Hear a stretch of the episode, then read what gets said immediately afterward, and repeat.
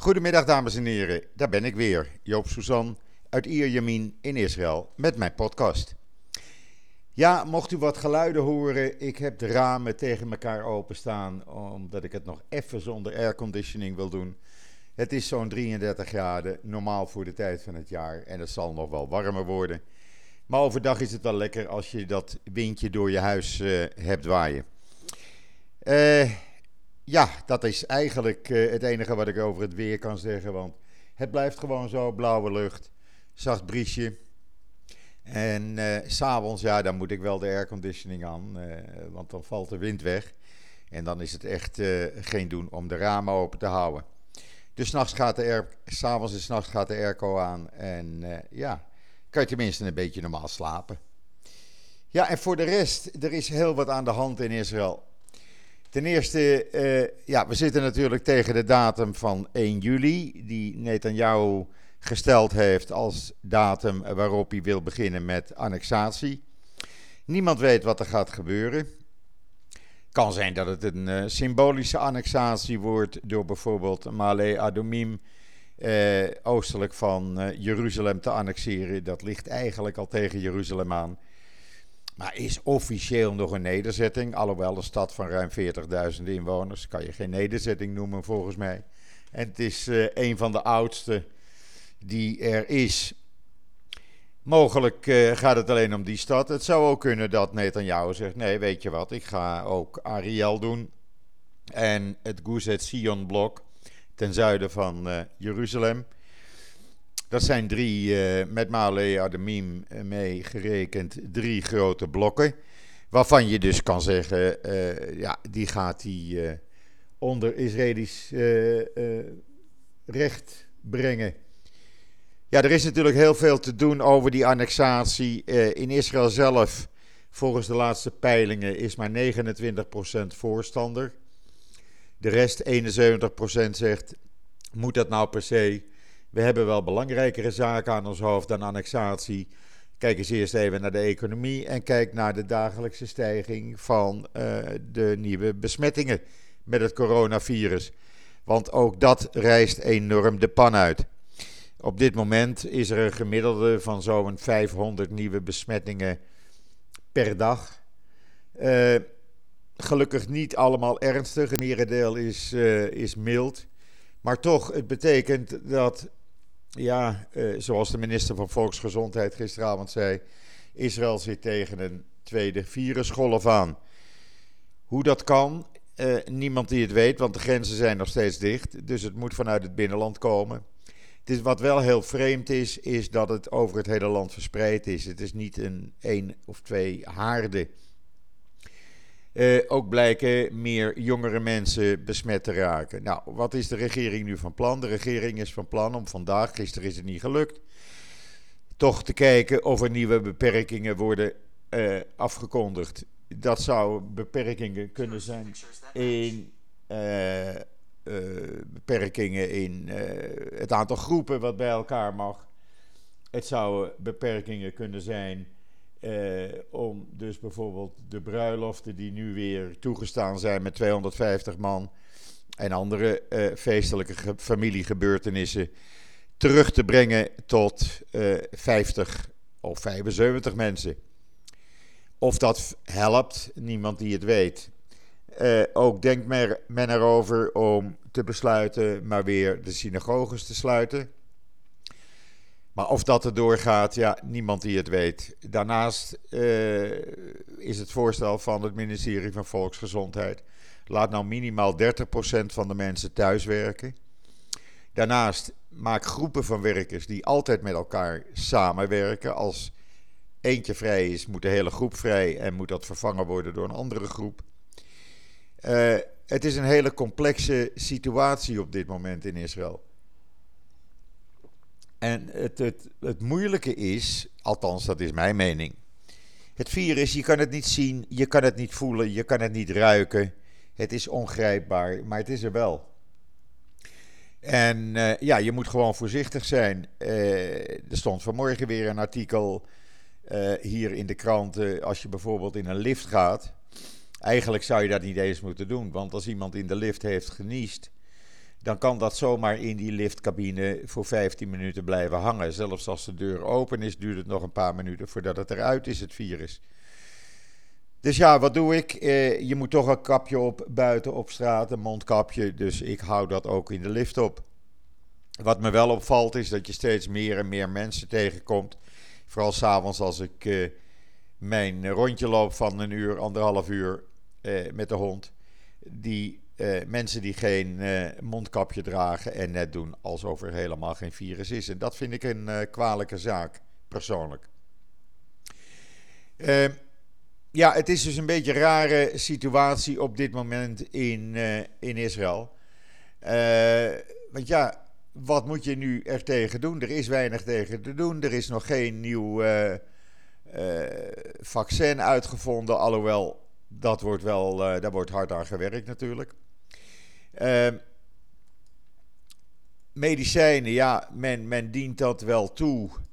Maar uh, het zijn geen medicijnen waarvan je zegt, nou, dat werkt per se, uh, dat werkt hartstikke goed, uh, dat is helemaal goed. Ondertussen hebben wetenschappers gezegd dat het gebruik van ultraviolet verhindert de spreid, verspreiding van het coronavirus. En dat is heel simpel uh, te installeren. U kunt het lezen op uh, JoodsNL. Daar staat het uitgebreid uh, in. virusdeeltjes die worden gedeactiveerd, of ze nou in de lucht zijn of op oppervlakte, zodra er een fluorescentielampen zijn, dus ultraviolet licht. Nou ja, alle beetjes helpen, zeg ik dan op mijn beurt. En waarom niet te proberen? En dan even wat anders. Uh, ik kom zo meteen wel weer op Israël terug. Maar in Nederland is uh, bij de Joodse gemeenschap weer een uh, onrust ontstaan. Na de beslissing van de NS om geen overleg te hebben met de Joodse gemeenschap. U weet, ze hebben in eerste instantie hebben ze aan overlevenden die er nog zijn, de paar. en nabestaanden van Joden die door de NS naar concentratiekampen waren vervoerd, hebben ze een bedrag uitgedeeld van 40 miljoen euro. En dat moest verdeeld worden onder ongeveer 5000 mensen. En er was afgesproken dat daarna overleg zou plaatsvinden over een bedrag wat de NS zou geven aan Joodse instellingen, zoals musea en Joodse gemeenschappen in Nederland uh, als een collectieve uiting van erkenning. En wat uh, zegt de NS verleden week? Die zegt, nou nee, we doen dat overleg niet. Weet je wat, hier heb je 5 miljoen euro. En die betalen we aan herdenkingsinstellingen voor de holocaust. En daarmee is voor ons de kous af. Het doet me een beetje denken aan 1945, toen de paar duizend Joden die het overleefd hadden uit de kampen en de onderduik terugkwamen. En de Nederlandse regering zei: overleg? Nee hoor, dat doen we niet. Hier heb je 10 gulden en voor de rest hou je je mond. En de NS waagt het nu eigenlijk om het op dezelfde wijze te doen. Nou ja, dat is iets natuurlijk wat helemaal niet kan. Daar is dus uh, heel veel over te doen op dit moment in Nederland. En de Joodse organisaties hebben al laten weten eh, dat uh, zij alle samenwerking met de NS op dit moment opschorten. Het is natuurlijk uh, kwalijk. Kwalijk van de NS wat ze nu doen. Het lijkt wel alsof ze niets geleerd hebben en dat ze denken dat ze boven de wet staan. En ik vind het heel juist van de Joodse organisaties, het Centraal Joods Overleg, om te zeggen van de uitspraak in het oorlogsleed dat mede door de NS aan de Joodse gemeenschap in Nederland is aangedaan, is vandaag een nieuwe hoeveelheid zout in de wonden toegevoegd. Dat zei het Centraal Joods Overleg. En dat geeft een beetje te denken uh, in uh, hoe de NS tegenover de Joodse gemeenschap staat. Ik hoop dat ze op hun uh, uitspraken terugkomen en dat je dan alsnog kan zeggen van nou, Laten we structureel overleg voeren en zorgen dat we dit voor eens en altijd oplossen. En dan even terug naar, uh, naar Israël. Uh, ja, nog even over dat coronavirus, want er is natuurlijk economisch heel wat aan de hand in, in Israël. Ik merk al dat een combinatie van nog steeds zo'n 800.000 mensen die zonder werk zitten. En het feit dat veel mensen toch wel thuis werken uh, zorgt ervoor dat er eigenlijk weinig of geen files uh, staan op de snelwegen. Het is wel druk, drukker dan het in uh, april en mei was natuurlijk. Maar files, nee, ze zijn er gewoon niet. daarnaast zie je steeds meer winkelpanden die leeg komen te staan. Ook bij mij in de shoppingmall zijn steeds meer ruimtes te huur. En plotseling is er weer een winkel of een keten verdwenen. Uh, dat is geen goede zaak. Ik zie het ook s'avonds op televisie. Uh, dat uh, ja, de economie in Israël heeft een goede knauw gehad. En voordat dat weer helemaal op oud niveau is, nou, ik, ik zie met angst en beven tegemoet dat dat toch wel een hele lange tijd zal gaan duren. En dan even iets anders. Er was afgelopen vrijdag een demonstratie voor de residentie in Jeruzalem van premier Netanyahu. Door een groepering die zegt, uh, en die demonstreert al langer, van een van corruptie verdachte premier kan niet aanblijven. Dat kan niet, dat moet niet en je zou moeten aftreden. Een van de organisatoren hiervan is een bekende oud-luchtmachtgeneraal en piloot uit de, zes, uit de Yom Kippur-oorlog Nee, de Zesdaagse Oorlog. Uh, en de Yom Kippur-oorlog. En uh, ja, is toch wel een beetje beroemdheid. Hij is inmiddels 66 jaar, Amir Haskal. En terwijl hij een toespraak aan het houden was vrijdag, vrijdagmiddag, werd hij door de politie plotseling bij de lurven gegrepen, gearresteerd en de cel ingesmeten. Ze wilden hem toen wel vrijlaten onder bepaalde voorwaarden, maar hij zei nee, niks ervan. Ik heb niets misdaan. Ik heb het recht op vrijheid van meningsuiting. En meer doe ik niet. En ik ga niet onder restricties. Nou, gelukkig was er een rechter zaterdagavond. Die besloot van hé, hey, dat kan helemaal niet. Uh, deze man moet onmiddellijk worden vrijgelaten. Na zijn uh, vrijlating zei hij: Ik heb een boodschap voor premier Netanyahu. Ik heb nu zelf 36 uur in de cel gezeten. En ik kan je zeggen, Netanyahu, zo slecht is het niet.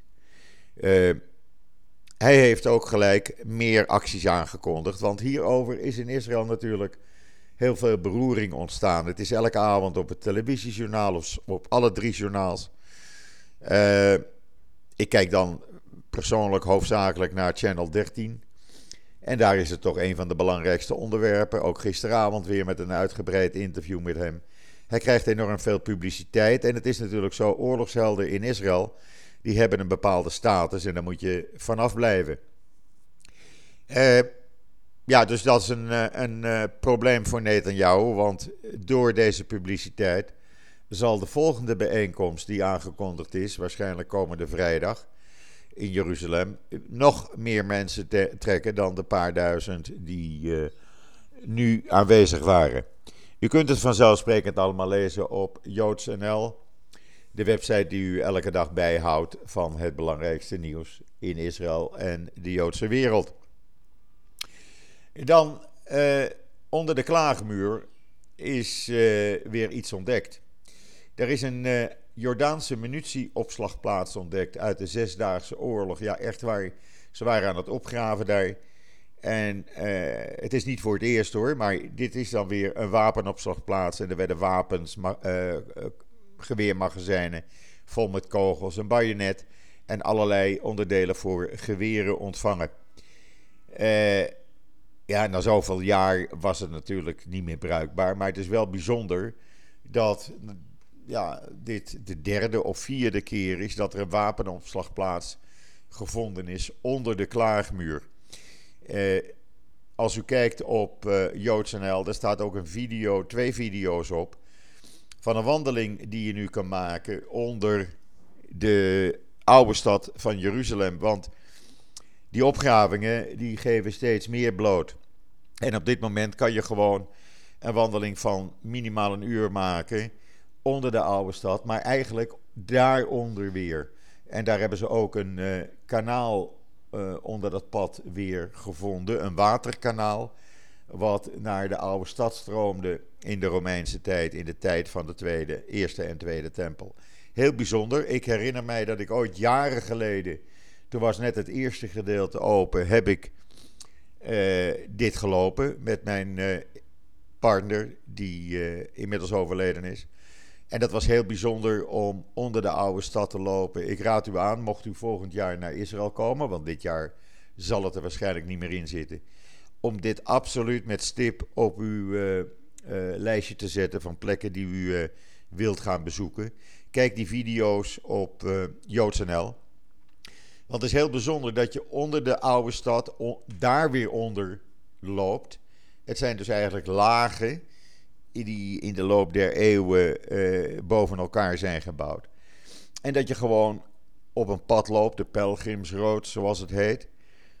Uh, waar de mensen gelopen hebben die naar de Tweede Tempel gingen. Naar de Tempelberg waar de Tweede Tempel stond. En dat is heel bijzonder. Het geeft ook een bijzonder gevoel, moet ik zeggen, als je daar loopt. En het rare is, de lucht is zo speciaal. Het is niet warm, het is ja, ook eigenlijk niet vochtig. Het is een beetje koele lucht. En je, je raakt stenen aan, ja, waar mensen 2000 jaar geleden ook die stenen aan hebben geraakt. Ja, als je daaraan denkt, is dat natuurlijk wel een bijzondere ervaring. En dat zal ook iets zijn wat ik eh, eigenlijk niet vergeet. Het jammere van, die, eh, van dat coronavirus wat we nu hebben, is dat ik eigenlijk geen trips meer maak. Ik was gewend om altijd de Negev in te gaan, uh, gewoon een dag rijden of naar het noorden en daar te blijven voor een nacht. Of gewoon weer s'avonds terug. Uh, dat kan allemaal niet. Ik ga ook mijn broer niet opzoeken in Kibbutz Beta Emek, want ja, ik vind dat nog een beetje te riskant. En hij ook trouwens. Dus we doen het maar telefonisch af. En dat zijn toch zaken waarbij je iedere dag weer met je neus op de feiten wordt gedrukt van... Hé hey Joop, uh, we hebben dat virus nog en dat is geen koosjere zaak en je wordt toch belemmerd in je doen en laten. Ik, uh, ik ga geen, ik heb het verleden week ook tegen u gezegd. Ik bezoek bijvoorbeeld geen shoppingmalls. Uh, ik ga naar een andere supermarkt toe. Want ik wil gewoon het risico niet lopen om daar tussen honderden mensen te lopen. Waarvan de een hoest en de ander proest en de ander niest. En de, ja, er zijn er altijd bij die geen masker dragen. En ik ga het risico niet, gewoon niet lopen. Naar de supermarkt, ik zeg het u elke keer, doe ik ook plastic handschoenen aan en een mondkapje op. Eh, gewoon om aan de safe side te blijven en je zoveel mogelijk te beschermen. En dan hoef ik tenminste niet uh, bezorgd te zijn dat ik uh, een supermarktkarretje aanraak en zomaar besmet zou kunnen raken. Dan, ja, afgelopen week had ik natuurlijk een live uitzending. Uh, waar, waar, een tiental mensen hun vragen ook daadwerkelijk hebben ingediend. Daar heb ik ook op geantwoord. Deze donderdag denk ik niet dat ik een live uitzending ga doen. Ik denk dat ik weer iemand uh, ga vragen. Ik ben al met iemand bezig, een bekende journalist. En hopelijk heeft hij uh, tijd om donderdag bij mij in de podcast te komen, zodat we kunnen praten over het coronavirus, de verschillen in Nederland en Israël. Want het is opvallend dat in Nederland alles los werd, wordt gegooid en dat er nog geen besmettingen zijn. En in Israël dus wel. Maar we weten uit ervaring dat Israël een week of drie, vier voorloopt met alles op uh, Nederland. Dus het zou zomaar kunnen dat een groot aantal besmettingen in Israël, uh, in, of in Nederland, in de komende weken kan worden verwacht. Want het lijkt mij uh, eigenlijk onmogelijk dat Nederland gevrijwaard zou blijven. Ik zou het hopen hoor.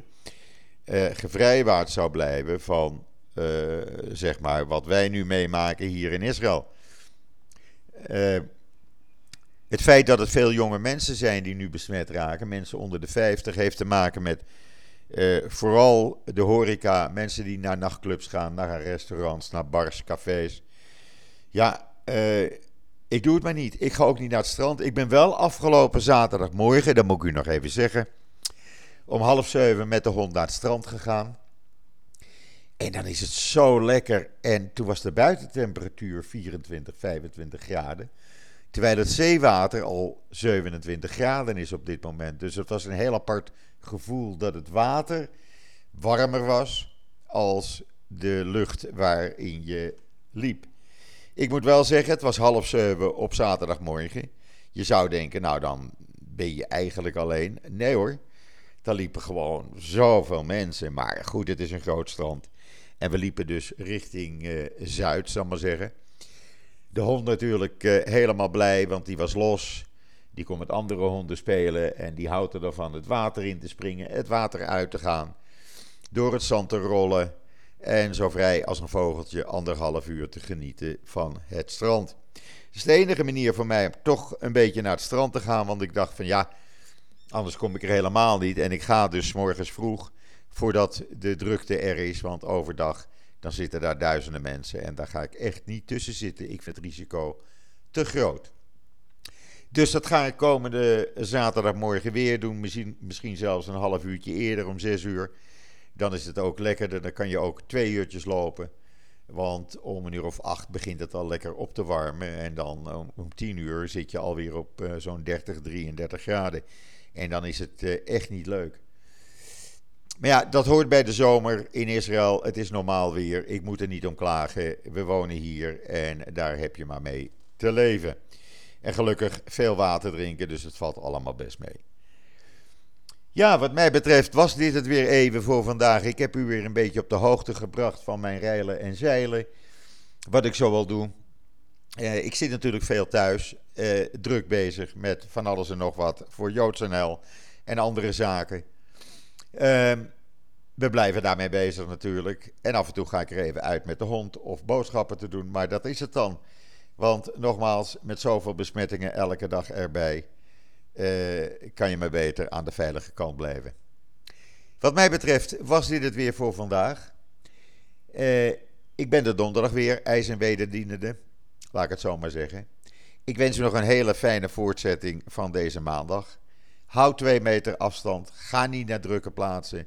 Doe handschoenen aan als u een supermarktkarretje vastpakt. Doe een mondkapje aan. Echt, uh, je kan het eh, voor, voorkomen is beter dan genezen.